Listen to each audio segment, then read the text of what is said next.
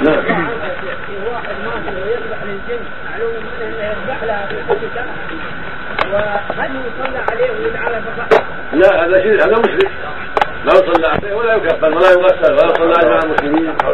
الذي يدعو الجن أو يدعو الأولياء أو أهل القبور يستغيث بهم أو ينذر لهم هذا الشرك الاكبر هذا دين الجاهلية دين ابي جهل واشباهه